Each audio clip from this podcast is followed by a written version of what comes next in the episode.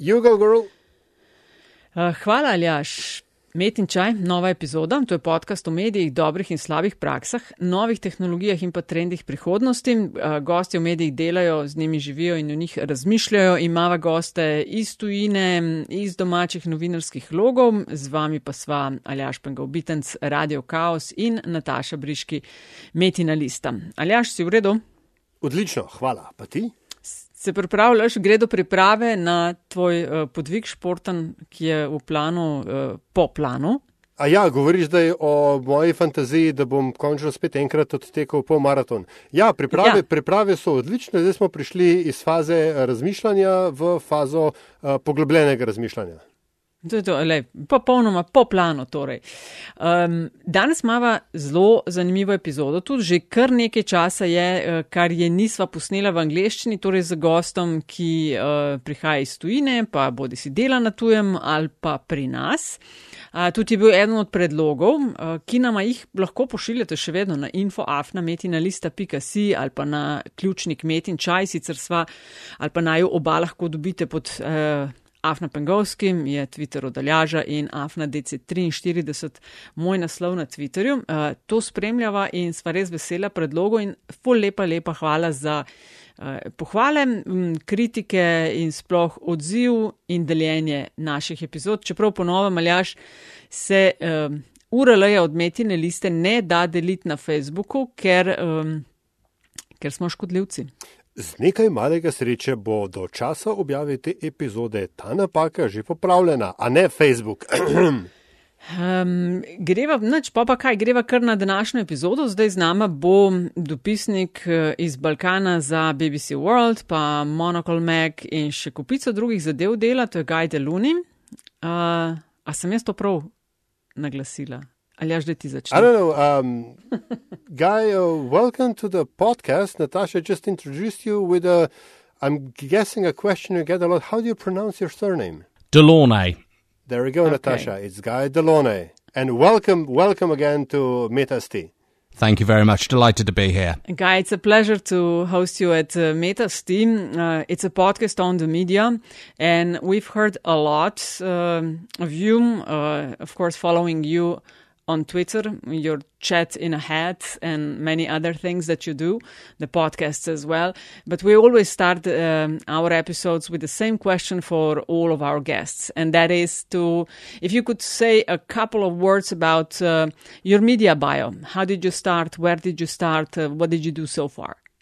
there was a degree of accident involved because the way into for me was was through a library would you believe in in the BBC because I was casting around for what to do when I was in my early 20s I'd been living in Japan. I'd been studying at university in in Osaka.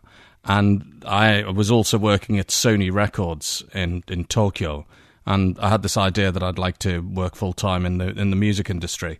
And things were moving, but they weren't moving fast enough. And uh, I saw this advert in The Guardian, uh, the British newspaper, in the media section, advertising for an, um, an, an archivist at the, at the Written Archive Centre of the BBC. And my first degree is in history, so I thought, hey, I know what an archive is. Went along, did the interview, wasn't taking it particularly seriously. Um, they said, what are your favourite TV programmes? I think everybody else probably said things like Newsnight and Panorama and I said Top of the Pops and Red Dwarf. And the, I, I, presume they, they thought that would be a lot more, well, at, at least not, uh, probably a lot more lightweight, frankly, um, kind of person to work with rather than somebody who actually, you know, s- sits up to watch Newsnight and Panorama every night. So the, they gave me the job, but while I was there, I realised that I was doing research for actual programmes at this funny little library out in Caversham near Reading, and and all the BBC's history is in there and you'd end up doing research for programs. And I thought, wow, if I'm doing research for programs at this library, maybe I could do that for programs themselves, actually work for them directly. And so I went through another couple of libraries, ended up at the, the News Information Library in London, and from that got onto Radio 5 Live, which it was about a year old at that point. That's the BBC's national rolling news and sport station. And because it had just started, it was tremendous fun, and, and they were really up for somebody relatively young with stupid ideas, but who had the uh, arrogance to think they could pull them off. talking about the BBC, since we have you here, uh, a couple of weeks, maybe a month or something, uh, there's been news about the cut of funding for the BBC. How do things stand as of now? Could you update us? I mean, this is the interesting thing about having started at the BBC Written Archive Centre, is that that is the place, as I said, which is the repository of BBC history. This is where all the documents are kept.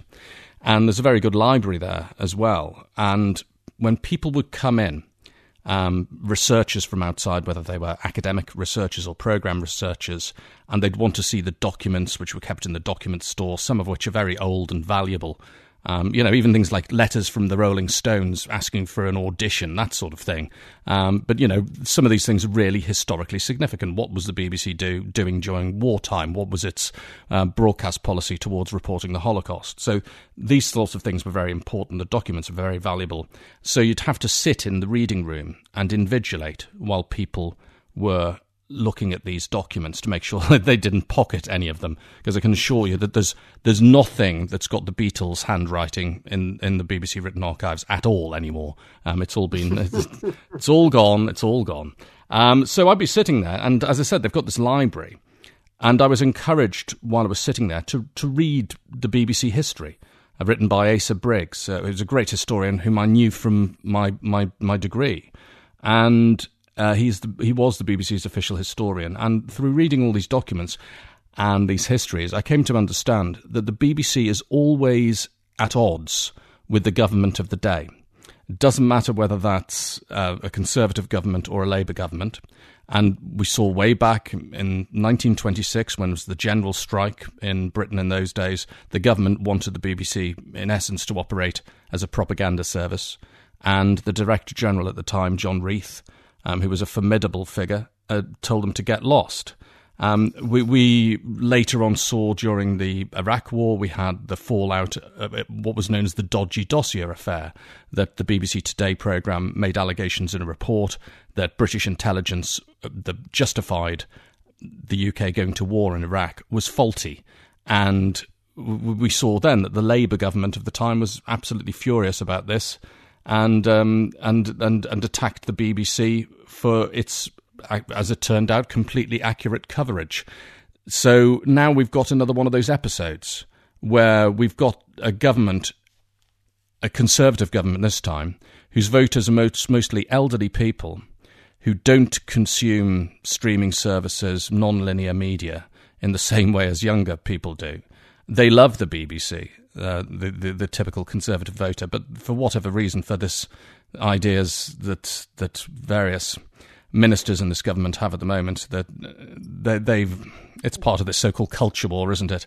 It's another attack, and what you need at this time is strong leadership um, in the BBC itself. And this will be very much a test of the mettle of the current Director General, Tim Davie, and the other senior managers of the BBC. I mean, do they understand the heavy responsibility which they have to protect something which is vital to all of the people of Britain and to Britain's soft power around the world. When uh, the national conversation in Slovenia revolves around uh, media, especially the public media, they're constantly com- being compared to the BBC. The RTV Slovenia is always said to strive to be the Slovenian BBC. But um, I think we'll get there in due course of our conversation. I think you, uh, though you still owe us the second part of Natasha's initial answer. Now, how did you end up in this part of the world? I mean, I understand that the Balkans in general has uh, loads and loads of history to go through as well, and I can see I, I, can see the appeal, to be honest. But still, you know, one would think that um, there are other interesting places to report from? You've always got to be open to a little bit of serendipity in your life. And I had been living and working in Cambodia um, between 2004 and 2012. So I'd, I'd, resigned my staff job at the BBC because I wanted to be a foreign correspondent.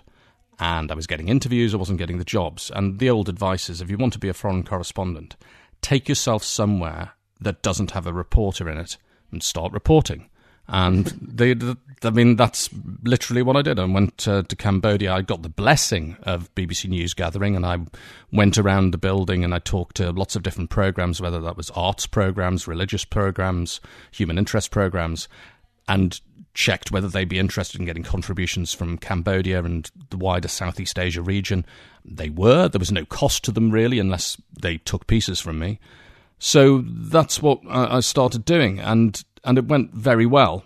And then at um, a certain point, oh oh, that's my daughter. You're going to have to edit that bit out. Sorry. Um, no problem. Uh, let's try try that again. Okay. So it was going very well in Cambodia. Then, at, at a certain point, you sort of realise that you're either going to have to stay to, forever or move on. And it was at this point that I ended up in a conversation with one of the senior editors in BBC News. And I could almost hear him scanning the map on his wall as we were having this conversation.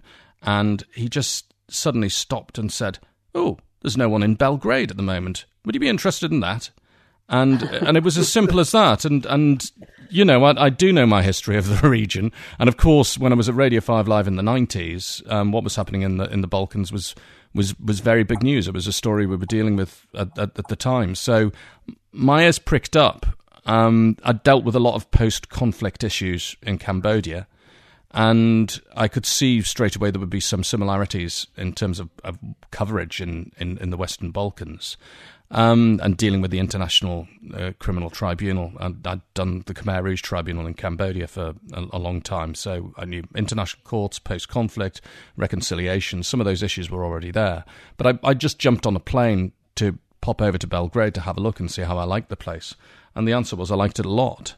And I thought this would just be terrific. And, and I do not regret moving from Southeast Asia to Southeast Europe and then you know, four years ago, five years ago, nearly now, from Belgrade to Ljubljana. It's it's it's been tremendous, and the, the region, the patch, um, is eight different countries, and there's there's a lot to do without it really being usually a hard news region. There's always a good story you can get your teeth into. There is a a pervasive, um, let's call it a self delusion, in the region, and uh, when the people in the Balkans speak of the Balkans, they always call it the region lately. Uh, so the, the, the pervasive self, self-delusion is that nobody can get the Balkans but the people from the Balkans. As in, you wouldn't understand. It's a Balkan thing. Um, yet, however, uh, over the course of the, what, last decade or, or maybe even two decades, there seems to have been uh, an ever-growing corpse of specifically English, but not st- strictly English language journalists and media people who have an in depth uh, uh, knowledge and understanding of the, uh, of the region. Has this always been like that, and we, the people of the region, just didn't realize it, or is this something relatively new? I don't know. I mean, if you look at the 1990s, obviously there would have been a lot of people who were in uh, the Western Balkans, ex Yugoslavia broadly, in the 1990s because of what was going on. And that went on for a long time. So, and correspondents would have been rotated through as well. So there will, be, will have been a lot of people who'll have picked up a reasonable degree of knowledge um, during those times, but in quite specific circumstances. And it's, it's that can have an interesting effect, I think, on the media coverage I'll just talk about British media coverage coverage because it's what I know best. But it can have quite an interesting impact. So, when we have, for example, Milorad Dodik in Bosnia and Herzegovina, in the senior ethnic Serb politician there, rattling his saber, talking about secessionist moves for Republika Srpska, the possibility of Republika Srpska having uh, its own military, which then raises the spectre of an ethnic Serb military once more in Bosnia and Herzegovina when people remember what the ethnic Serb military did there in the 1990s. I'll get people in London asking me how worried should we be about Bosnia. So that's one thing I'll get. But then you get the other people who are a bit more go a bit further than that and they start writing stories which are based, if you like, on a 1990s knowledge of the region rather than a 2022 knowledge of the region. And I, I sometimes get the impression, and I saw this in, in Cambodia as well, that when people have reported on conflict, it's almost as if they miss it sometimes, which sounds very bizarre when you see how horrific conflict is, and we're seeing that at the moment. But you sometimes get this feeling that people are you, you almost too keen to see that story really materializing because it's something that they can put their fingers on. It's something that they know and feel comfortable with, which is perhaps an awful thing to say, and it's probably a terrible slur on very many very brave colleagues. But, you know, straight away we were getting stories about, oh, is the next war coming in Bosnia, which I think is terribly unfair on the people in Bosnia and Herzegovina because they've lived through enough of that without people raising their fears once again. When, if you're in this region now and you follow what's been happening in, in, in politics in this region, you'll know what Milorad, Milorad Dodik is. You'll know what he does. You know what his modus operandi is, and you know what his motivations are. And I think that was where there's a divergence between people who have a surface knowledge of of what might be going on now and people who are in the region today and have a, a, a rather different view of it. So I'm, I'm trying not to put my foot in it here, as you can tell, because uh, I don't want to disrespect people, but I think there's sometimes a, a misunderstanding of, of that that the 1990s is not the 2020s, and, and we need to approach things with a 20s, 20s, 2020s mindset, even if you've still got some of the same problems today. Mm. And just one more question, Natasha, before I hand it over to you mm, for a while. Um, Guy, how long? What what what is the acclimatization period? When at one point when you, when you land in a in a new country in a new environment, how long does it take, or how long did it take you to you know get the feel for the place? Well, I came from Cambodia to Belgrade in August of 20, uh, 2012, and I didn't want to file straight away. I was very aware that I was going into a situation and that I wouldn't know enough about, and I was very concerned about making mistakes, having the wrong impression, putting things across which would be incorrect. So I didn't actually file for two months after arriving in Belgrade. I, I, I, of course, I had to set up a new home in, in, in, Belgrade for me and my family. That was part of it. But a lot of it was I wanted to get a feel for what was going on in, in Serbia and on the rest of the patch. And that mm-hmm. wasn't going to be possible, in, you know, to be up and running so quickly because it, it's it's complicated, and I would have been doing everybody a disservice if I'd have been trying to file straight away. I think the only reason I started filing in the end was because there was um, there was an under twenty one football match between England and Serbia, and the English uh, the England players were subjected to racism um, from the crowd, and then that of course was a, was a quite a big story domestically in the UK, and, and and I had to get up and running and filing with that, and that was what kicked me off. But that wasn't until October. So it was a good two months before I filed anything. That's not normally a luxury that, that correspondents have, is it? I mean, a lot of us, uh, you know, going from country to country and diving in, and you, you're barely away from the airport before you start filing. But I think that really benefited me. And I spent that time, you know, talking to people, reading, getting a feel for the place, and I hope it's benefited my reporting since. Uh, Guy, I'll just go a step back for a bit. Uh, you explained the move from Cambodia uh, to Belgrade. Uh, how it came to the move to Ljubljana? Was it for the sake of diversifying the experience or something else? There were a couple of things. Um, um, we'd often talked, my, my, myself and my wife Lisa, we, we, we talked a lot about the issue with with covering the region from one base. And how you inevitably if you if you're living in Serbia you get a particular view of issues in the region from Serbia. And the view from Sarajevo will be different. The view from Zagreb will be different. The view from Pristina Skopje and indeed Ljubljana will be different. So we always thought that there would be a benefit to living somewhere else on the patch and like I say that's eight countries assuming you recognise Kosovo and and the United Kingdom does recognise Kosovo and Slovenia does too. So I think we're set on safe ground here. Um, so um, you know, we, we we always thought that that would be a good thing to do, and we'd always enjoyed our visits to Ljubljana. And I'd done quite a lot for Monocle magazine um, in Slovenia about little everyday marvels that that people in Ljubljana probably take take for granted, but which I and which my colleagues at Monocle thought were absolutely terrific. You know, just the the way in which the, the, the city centre in Ljubljana has been um, transformed and to, to be you know a haven for pedestrians and cyclists. The way in which the public transport system doesn't have any sort of grand plans around monorails or undergrounds, but actually just has a fairly sane um, cycling, walking, and bus policy. Uh, a lot of that really, really appealed to a magazine like Monocle, which likes you know strong aesthetics and a sense of urbanism. And that, that that was that was you know we, we liked that. We're cyclists. I haven't owned a car since 1991. I drive when I need to, but I don't own a car.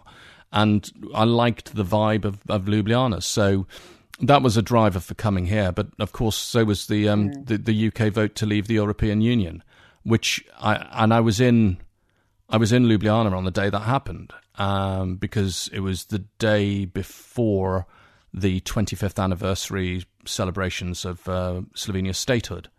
And I'd, all these heads of state of around the, the European Union were due to be in Ljubljana. And the idea I was I was just going to doorstep them as they went into the to the event, and presumably they were all going to say how terrific it was that uh, Britain was staying in the EU and uh, and we all know what happened next, don't we? And uh, I can remember vividly. I, I did, lined up an interview with Miro Cerar, who was the prime minister at the time, in, in, the morning, the morning after. And I can just remember the two of us looking at each other, um, both just shaking our heads, waving our hands, really not quite knowing where to start. And you, you've got a choice in, in life when these things happen, and a lot of things are beyond your control this is this is personally rather than professionally. A lot of things, of course, professionally, a lot of things are beyond your control as well. But many, many things can be beyond your control. And you think to yourself in a situation in a situation like that, what can I control? Um, I don't want to leave the European Union. I don't want my family to leave the European Union. What can I do? And the obvious answer was to move to the European Union. So, so that's uh, so that's what we did.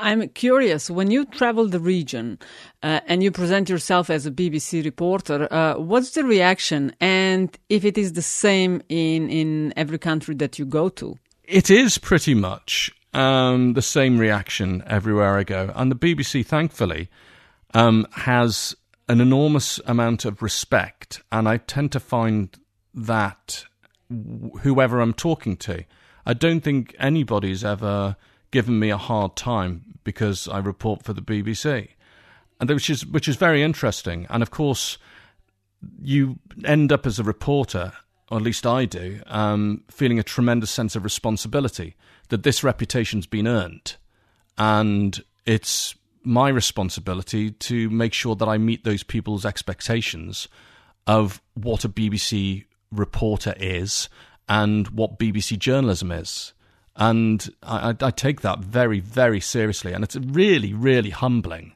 And I can I can remember years ago when I was uh, working in the sport department of BBC World Service Radio, I was doing a documentary about football in Bangladesh, and I, I'm I was more or less straight off the plane and and met somebody and introduced myself, and they said, "You're Guy De Launey," and you know, because they'd heard my sports broadcasts on, on BBC World Service, and it, it, was you can sometimes feel like you're broadcasting into the void if you haven't got the radio on all the time or what have you. You know, you're busy making your own reports. You're not exactly listening to yourself on the radio or watching yourself on the TV all the time. It's when people remind you what the service means to them. That's that's really great, and it, it is this. You know, obviously you feel very happy and proud about it, but it's a tremendous sense of responsibility as well. Mm, and and what do your uh, editors mostly want you to report about? Um, I of course know that it's uh, different stuff all the time, but uh, are there um, I don't know any stories they are particularly interested in? Um, any line of talking? What what? I mean, it, it, will it will depend. It usually depends on what's going on in the wider BBC uh, agenda or the wider news agenda. So at the moment, obviously, anything that's got a connection with the conflict in Ukraine is going to get some traction. The fact of the matter is, at the moment, Ukraine's the only story in town, really. Um, so getting anything on from this region is, la- unless it's massive, it's it's largely going to be dependent on connections with that. So a drone crash in Zagreb is a good story. Oh, yeah. uh, you know that, that was that was decent. It wasn't huge, but it was decent. I'm uh, going to go to Belgrade later this week and do things about uh, Serbia's relations with Russia. Um, that, so that it's it's often a reflection of what's going on in the wider news agenda, or occasionally you will get huge um, news stories here, whether that's the refugee crisis or we had floods um, across the Balkans in 2014, refugee crisis 2015 16. Though those are always big things, and Britain leaving the European Union was was another one. But it's it's the nice thing about my patch at the moment is it doesn't tend to be that kind of hard news patch, so you can generally have a lot of well, there's a lot of light to go with the shade, and and that, that's that's always great because I don't think I would be the kind of reporter who could just simply do the bad news stories all the time. I, I, I think I'd personally find that very very hard. I think it would take a heavy cost, um, you know, uh, psychically uh, so it, it, it's it's nice that we, we in some ways the, the, the news coming out of the, the Western Balkans is we're not such a news factory as as, as we were in the 1990s, and, and I think that's uh, that's all to the good, and it makes for a different kind of journalism and a different kind of tempo to your journalism as well. And talking about tempos, what does that mean in your case? Like filing a story every day, every other day, or some of it's quite basic. I mean, every morning I'm going through news sources from across the region and just checking what's what's the local media are saying in each place, and doing a little roundup of that, which I send to um, my editors in in Brussels and London, and that's what I base Chat in a Hat on. It's it's based on that little you know, daily roundup that I, that I do, and I'm, I'm sure we'll come back to that that in a bit. And then it's it's a question of okay, do any of these stories justify doing a radio dispatch for World Service or the uh, domestic radio bulletins? Do any of them? And again, this would probably be a bit more planned, a bit more diary. Are there any events? For example, when we had the um, EU Western Balkans summit at uh, Prikran last year, that was something which we could plan ahead to and say, yes, okay, that that's a nice story for on the day. We'll do some lives on that.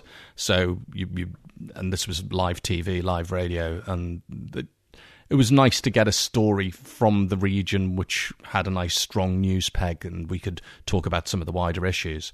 But then there's other things, um, you know, it's it's completely off diary, and it's just you know, is this I just did one for BBC World Service Radio about brain drain in Serbia, just the issues that that, that Serbia has in losing people, um, and what it's trying to do to regain them.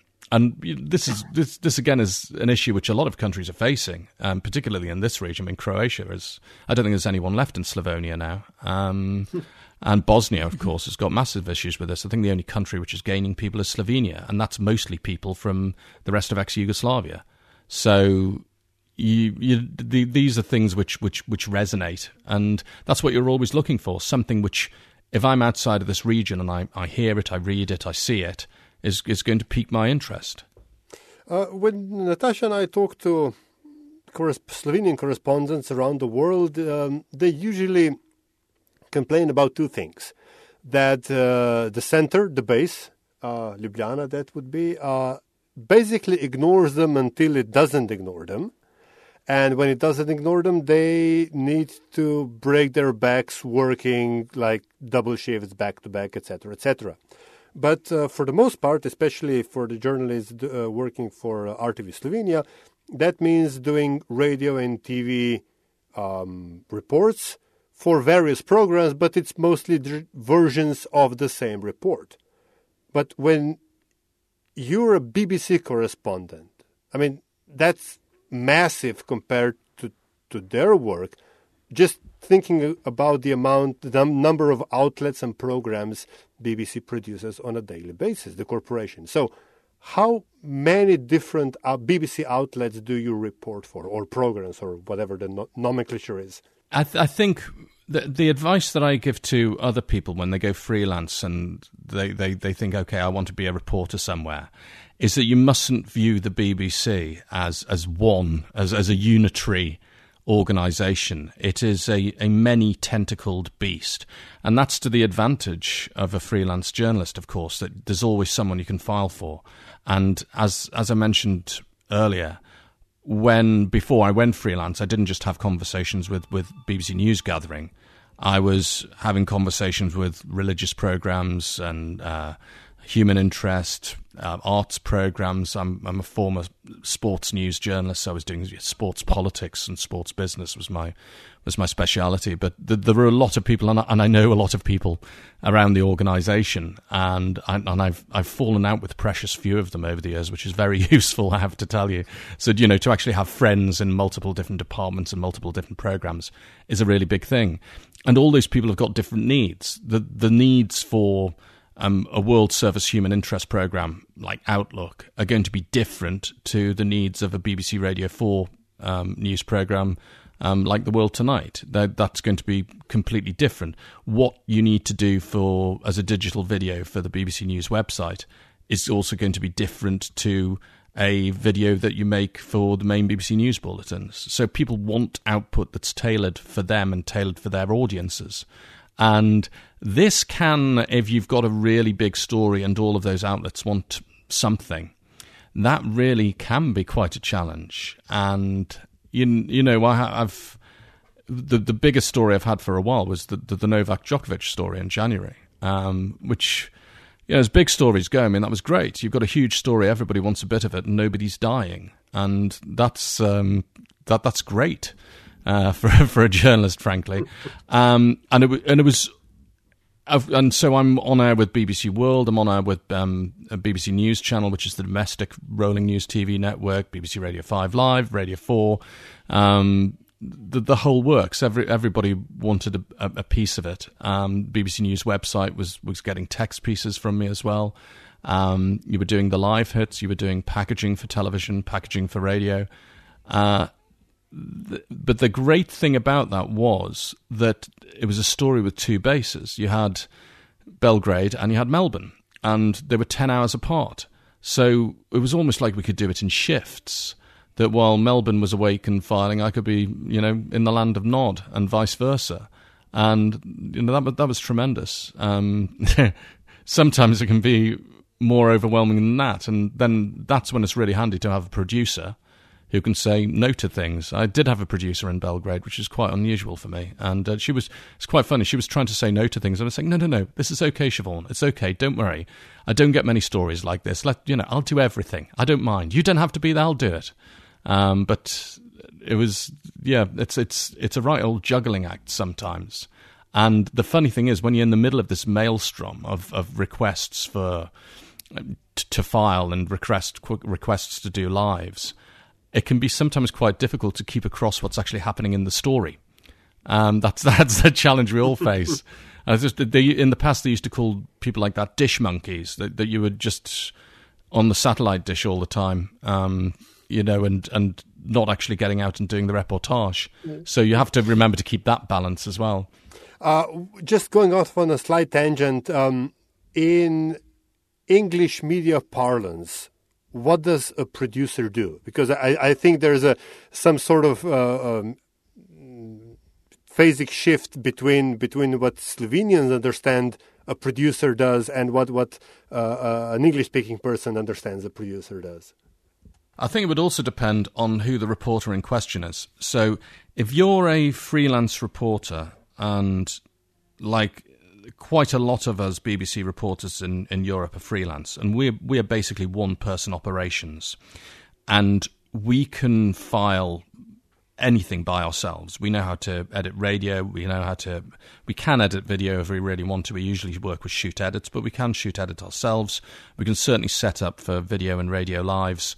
We know how to do all that end of things, and I, imagine we're very irritating people to work with as if, if you come in as a producer because a lot of what a producer would do would be the kind of stuff we would normally be doing. So when I had my colleague Siobhan come out from the Brussels bureau to work with me in Belgrade in January, I, it was a tremendous luxury for me because Siobhan was doing a lot of the, the heavy lifting in terms of scheduling, organization, some of the technical stuff, uh, a lot of the logistics. I didn't have to worry about any of that. I could just concentrate on the journalism. And again, these people are fully trained broadcast journalists. They're not somebody you need to tell, you don't need to tell them what they should be doing. So if at any point you're in a situation where there's, I'll give you another good example with this. Actually, we had a press conference. The Djokovic family were going uh, in, in, in a rather interesting direction inside the, the family restaurant in New Belgrade. And I had to be live on TV at the same time, and it was impossible to be live inside this this this little restaurant with all the world's press crammed in there. So I was outside in the snow with a nice picture of Novak Djokovic behind me, um, hitting BBC World, BBC News Channel, BBC One O'Clock News. Um, meanwhile, Siobhan and my colleague from the BBC Serbian section were inside the press conference feeding me lines on, on my phone. They were just sending through messages on Signal um, with with lines from the press conference, which is tremendously useful. So you know, then you you've actually got to know the strengths of your team and, and, and how to how to play with them. And um, you know, that was a real luxury to have two colleagues to to to work with me. And and again, when my colleague from the Serbian section wasn't there, and we had somebody like Viktor Troicki um, as, as, as an interview. I made sure I got him to say something in Serbian so she could use that in in output on BBC na Srpskom. Um, you know that that's the way it works in the best case scenario. You're all thinking of each other and, and doing everything you can to help. So the producer, as I said, in my case, is there really doing the heavy lifting, doing the logistics, handling all the requests and all that sort of stuff. Um, she was also cutting some of the, the, the radio material, and you know, on occasion, I, I, I Siobhan was uh, grabbing people for us to interview as well um, when there were rallies outside the uh, the National Assembly. She found us a terrific interviewee there. Just generally working, uh, you know, in, in in close collaboration, but not really being the face of it or the voice of it. It's it's it's that sort of thing. But um, I, th- I think sometimes with staff correspondents who have full time producers. I think the producers can be very, very heavily involved in the journalism development of ideas, um, the identification of interviewees, everything really, bar the putting together of the script and, and putting the voice on, on, on the package. But um, I wouldn't know because I've, I've not been a staff correspondent. well, yeah, I mean, the reason I ask is because uh, in, in at least in Slovenian parlance, the, the producent producer is basically the guy who bankrolls the, the, the project and is sort of like more, more of an in an overseer role rather than, than boots on the ground kind of thing. So that's it, it seems interesting. Anyway. I mean, it, the in the BBC, um, when you've got a team going out, which is generally producer, camera crew, and um, and and correspondent, you'd. It's an interesting question who's in charge at any given moment. The, the correspondent definitely thinks they're in charge. Um, they may not be. it might, might actually be the producer. Uh, it's quite when we do our hostile environments courses, um, when, when, we're trained how not to get ourselves killed during our reporting, and inevitably we have a checkpoint drill, and they ask who's in charge. We always point to the producer. uh, Guy, when you are trying to get in touch with the top people uh, in in various uh, industries, be it in politics, uh, economy, whatever. How easy or difficult is that in Slovenia? Um, it's pretty easy, I have to say. It's it's not generally been a problem at all. People are very receptive, and um, I'm lucky in that the outlets that I work for, the BBC and Monocle, both have very good reputations and they have people who are tremendous fans It's quite interesting, actually. You, find that if the if the words, well, the letters BBC don't open the door, then the word monocle often does, because people, uh, as as I'm sure you know, can be be fierce. They've they've generally either never heard of it or they love it. It's it's it's one one of one or the other. I find with monocle, and so so both of those open a lot of doors. And I've honestly, not just in, in Slovenia, but across the region, I, I found people just really generally very, very cooperative and and and, and open to, to, to being interviewed, whoever they are, whether that, that's business, politics, arts. Um, the access you get as as as a journalist for organisations like that is is is quite stunning and, and very humbling as well. Because, like I say, you come back to responsibility. You know, there's a reason why those people are opening their doors and giving you their time. Mm. Um, but it's uh, it's just wonderful. You've got an absolute license to um, to find out all the things that you're interested in, and talk to all the people that you want to talk to. Speaking of of um, talking to to people in various industries. There's been a recurring pattern, at least in Slovenia, where um, politicians or in general decision makers tend to speak more freely and uh, are more loose in terms they use uh, to foreign correspondents than they would they would be to uh, national journalists. Um, have you seen, heard, um, felt anything along those lines? I'm not sure about that being the case in Slovenia. In Serbia, I know that the way in which the political leaders there, like President Vucic, speak to the national press is very different from the way in which they address the international press. And uh, I've certainly, from my days in Cambodia, we always felt we had a lot more freedom as international journalists in Cambodia than, than the local press did. That they were much more um, targeted for pressure, whether that was in terms of bribing them or in terms of prosecuting them for defamation. Um, you, would see that a lot more with local journalists. There was always a, f- a feeling in Cambodia that the powers that be weren't particularly bothered about what appeared in foreign language outlets. They were, but they were bothered about what appeared in the vernacular. And mm that that I was, you know, you're very much aware then that you have a privilege and once more a responsibility.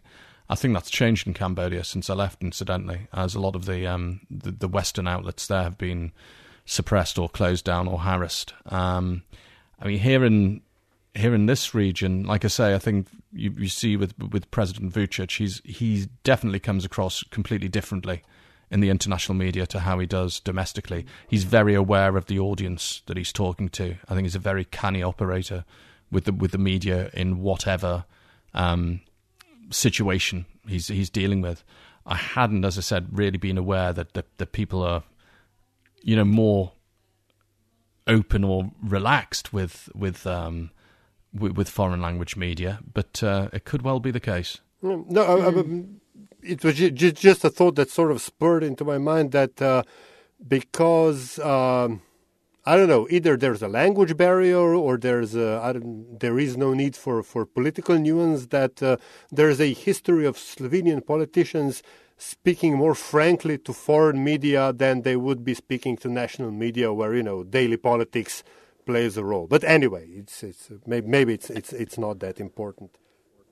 Uh, but um, I, could, I, could, tell you about the time I tried to get Marjan Šarec to tell me a joke. Oh, oh yes, do, do, talk about that. But I mean, this, this this was the thing. This was before he became prime minister, and I knew he stood a good chance of getting elected. So I went to I cycled to Kamnik, cycled to Kamnik from Ljubljana, um, and I hadn't quite understood what a horrible road it would be, and I kept trying to find a nicer road to go on and, and failed miserably. But this all made me late. So instead of being able to change out of my cycling clothes into my and into my uh, interviewing clothes. I, I, ended up having to do the interview in my, my cycling clothes, which was slightly mortifying from my point of view, especially as I was sweating on his nice polished table. Um, but um, you know, obviously, the line for me, uh, the way in for me as an as an international journalist, and you know, something which which my audiences will be interested in is here's somebody who used to be a comedian or at least a satirist and now they're running for, for, for well, he'd already run for president at that point, but now, in essence, running for head of government. It's, and of course, you that, that that's that's a tremendous hook, isn't it? And and I was just trying to get him to be funny, and I was saying to him, look, if if you were to go back to your days in, in, in satire or in comedy, you know, what do you think those characters you played would be saying about this situation? And he was just giving me an absolutely straight bat. I was getting nothing from him at all. And it was it was tremendously frustrating. So I'm afraid I did not get the joke that I wanted from Marjan Šarec. Guy, if we forget for a minute that you are a correspondent and a reporter, uh, and just try uh, and imagine uh, talking to your friends. I am curious to hear what do you tell them about Slovenia and Slovenians to someone who don't know anything about it? And I'm not asking that because like seeking for compliments or anything like that. Just, you know, what's the, the true story that you tell about Slovenia? Of course, generally I am complimentary because I've chosen to live here. It wasn't anybody else's decision. And you, there was a reason that I chose to live here and that I, I liked um, the fact that you know, in Ljubljana, you have a city which is actually taken, uh, and we know it's not perfect, right? We we know that Ljubljana, sure, the, sure. the, the traffic in in Ljubljana can be absolutely horrendous, which is ironic for a city that's prioritized walking, cycling, and buses, and you know, yet people are still in love with their cars, and because you don't have a a sane um, extra urban transport system in Slovenia, people use their private cars, and which is an absolute disaster. But you know, I like the fact that I can ride my bike and it's not a blood sport, which it was in, in which it was in Belgrade, frankly. And I did do it in Belgrade, but um, you know, and I didn't die, but um, I had a few close calls. but you, you, the fact that I can live here and cycle around and it's it's, it's completely normal. The fact that people uh, have this picture of their own country as being very green and take environmental issues seriously and to their heart, and we're way ahead of the curve in that you know, Ljubljana being the, the, the, the European green capital and walking it like it talks it in many respects. That's very, very attractive. And then all these things which are tremendous, which you know about, the fact that within half an hour of, of, of, of Ljubljana, I can either be cyc- sure. cycling up Krim, I can be, you know, at Krvavec skiing, I can be at Lake Bled pretty much in uh, not much more than half an hour. And you know, then then then Bohinj and you know, nice stand-up paddleboarding across Bohinj, tremendous. Or you know, with the you know, tiny bit of coast, but it's coast nonetheless. I mean, all of that is, you know, the the, the natural environment is absolutely wonderful. And the the in terms of how Slovenians are themselves, I find when I'm interacting, the people I've interacted with, again, I, I've I know Slovenia has this reputation for being quite insular and people keeping themselves to themselves, and that unless you've known somebody since childhood, you'll never be quite in with them. Um, I, I, know it's got that reputation, and I can I've seen some of that, and I can understand it. Um, but I've also found that, that, people can be tremendously open uh, with their with, with, their time, with their thoughts, uh, with, with, their fellowship, um, and I, and I've got a lot of people that I've I, I, I, meet and see on a regular basis, and who whose company I enjoy tremendously. And you know, if there's a if there's a national character for not opening your arms to to incomers, these people clearly didn't get the memo. Well, the amount of work you do for various uh, BBC and uh, Monocle uh, productions obviously keeps you busy. Uh, where did you find the time to start Chat in a Hat, and uh, how did it actually? Well, what made you continue with it? So every morning I, I do this roundup that I send through to my BBC colleagues, and just what's on the agenda here every day. It could be a mixture of diary items and and what's in the, the press around the region or media outlets around the region which is useful for them, and a lot of those turn into news lines, even if not actual um, dispatches or television pieces, then actually lines of copy which they do literally rip and read in, in, in radio bulletins sometimes.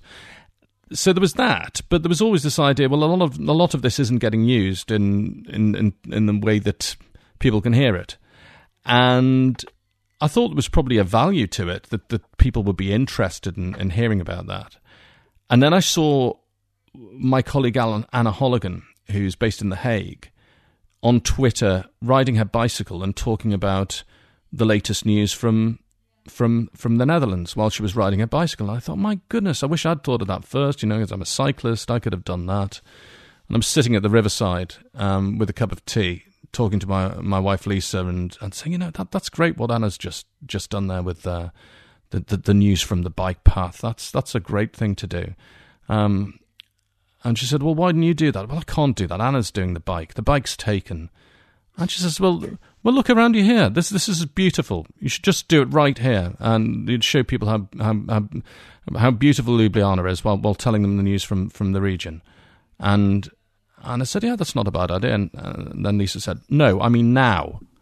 and and she just whips out her phone, turns on the video recorder, and you know, um, I, I talk off the top of my head for for a living. So I did. I had gave it one go. It was four minutes long. I thought, oh no, that's far too long. We wanted ninety seconds. So three stories, ninety seconds. That was the idea.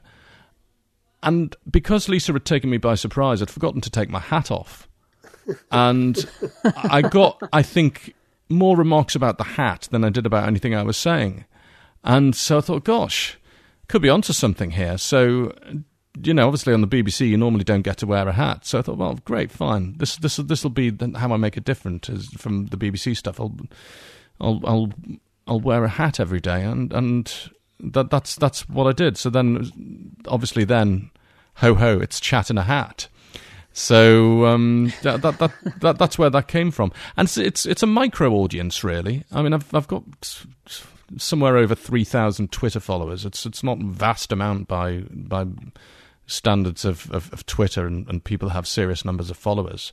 And again, the number of views I get of the video every day, uh, hundreds up to low thousands.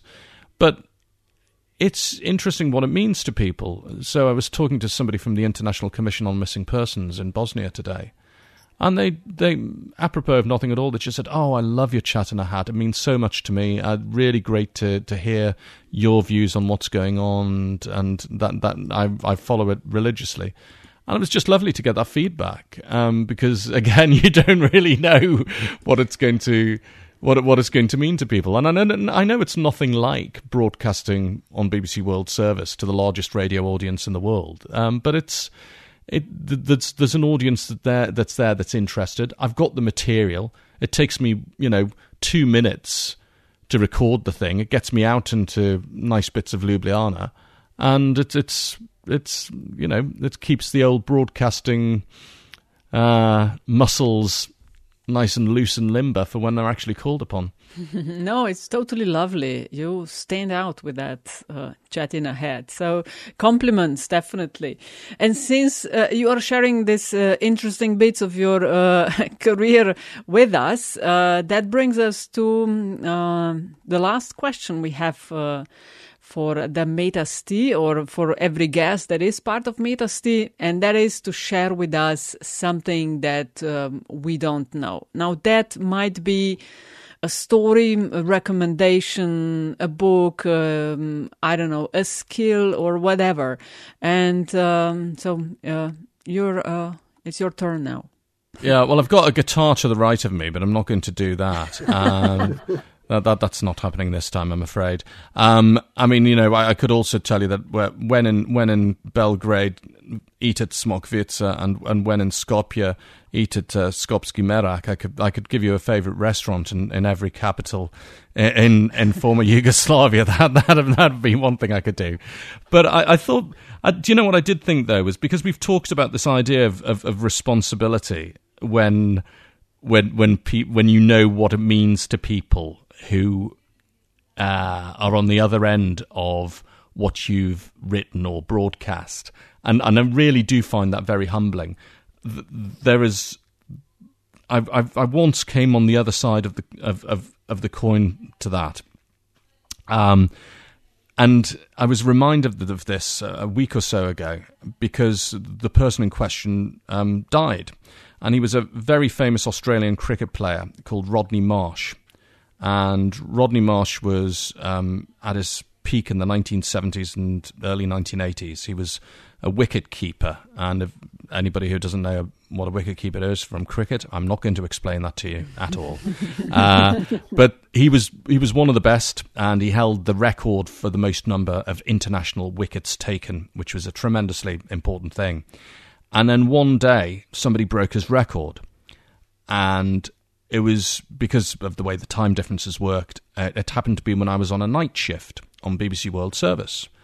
And I thought, okay, I'll ring up Rodney Marsh and I'll find out what he thinks of his record being broken. So I rang up the Australian Institute of Sport, where he was working at the time, asked to be put through to him. The phone rings. And, of course, this voice answers, hello. And I said, uh, oh, hello, is that Rodney Marsh? And he said, yes, it is. And I said, oh, hello, it's Guy De Launey from BBC World Service.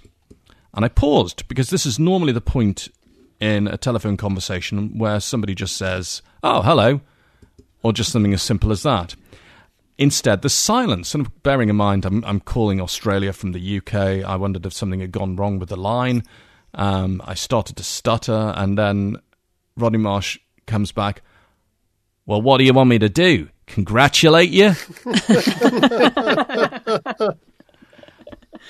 and you know, it was it was a tremendously funny comeback, and he did do the interview, and he was perfectly fine about it. But you know, what I've always taken away from that is you, you, should never be congratulating yourself as as a journalist for for what you do, and it's it's lovely that the work means something to people, and that's great because it gives it gives meaning to what I do. But the idea of of feeling grand about your position or congratulating yourself I, I think is um, a very bad way of conducting yourself. And I and I, I, think when I, you know, I try and keep Rodney Marsh and his words. Uh, about self congratulation in, in my pocket because we are generally, as journalists, always reporting on people who have achieved things or who are actually doing something in life. And that's the conundrum of being a journalist, isn't it? That uh, you know, much as we enjoy what we do and, and a lot of people would like to do our jobs, we always have this slight feeling niggling away that what we're actually doing is just we're just being the observers or uh, at, at, best the um, the witnesses to, to to to the people who are really doing things. So uh, I don't think that's anything to to congratulate yourself over. That is very true, and. Um, sadly also bring us, brings us to the end of our uh, conversation today. Uh, though I have a feeling we could uh, continue this for hours on end. Uh, uh, that, that's what you get with answers as long as mine. Sorry about that. no, no, no, I, yeah, very British of you, self-deprecatory. so. Uh, I am though interested about about your favorite place in Ljubljana, restaurant-wise. though maybe leave that one for um, some other time or when we finally, when we finally uh, I was I was I was on I was on the riverside at, at Ek Bistro last week in the sun, and it was just a tremendous place for, for, for, for brunch in the sun in Ljubljana. I enjoyed that very much. I think that's what Ljubljana's missing, though. Frankly, is is is somewhere like Belgrade Smokvica, where you have a lovely local neighbourhood mm, casual dining place that isn't going to break the bank every time you go there. And I think yeah. I think there's a gap there for Ljubljana, frankly. there we go. I, I hope the relevant organs are taking note. I'm thinking. Anyway, I think I think I should franchise Smokvica from from Belgrade. That's what I should do. there we go. There we go. We'll edit this bit out so nobody beats you to it. Guy, it's been a real pleasure talking to you, uh, and thank you for being part of um, Metasti podcast. My pleasure as well.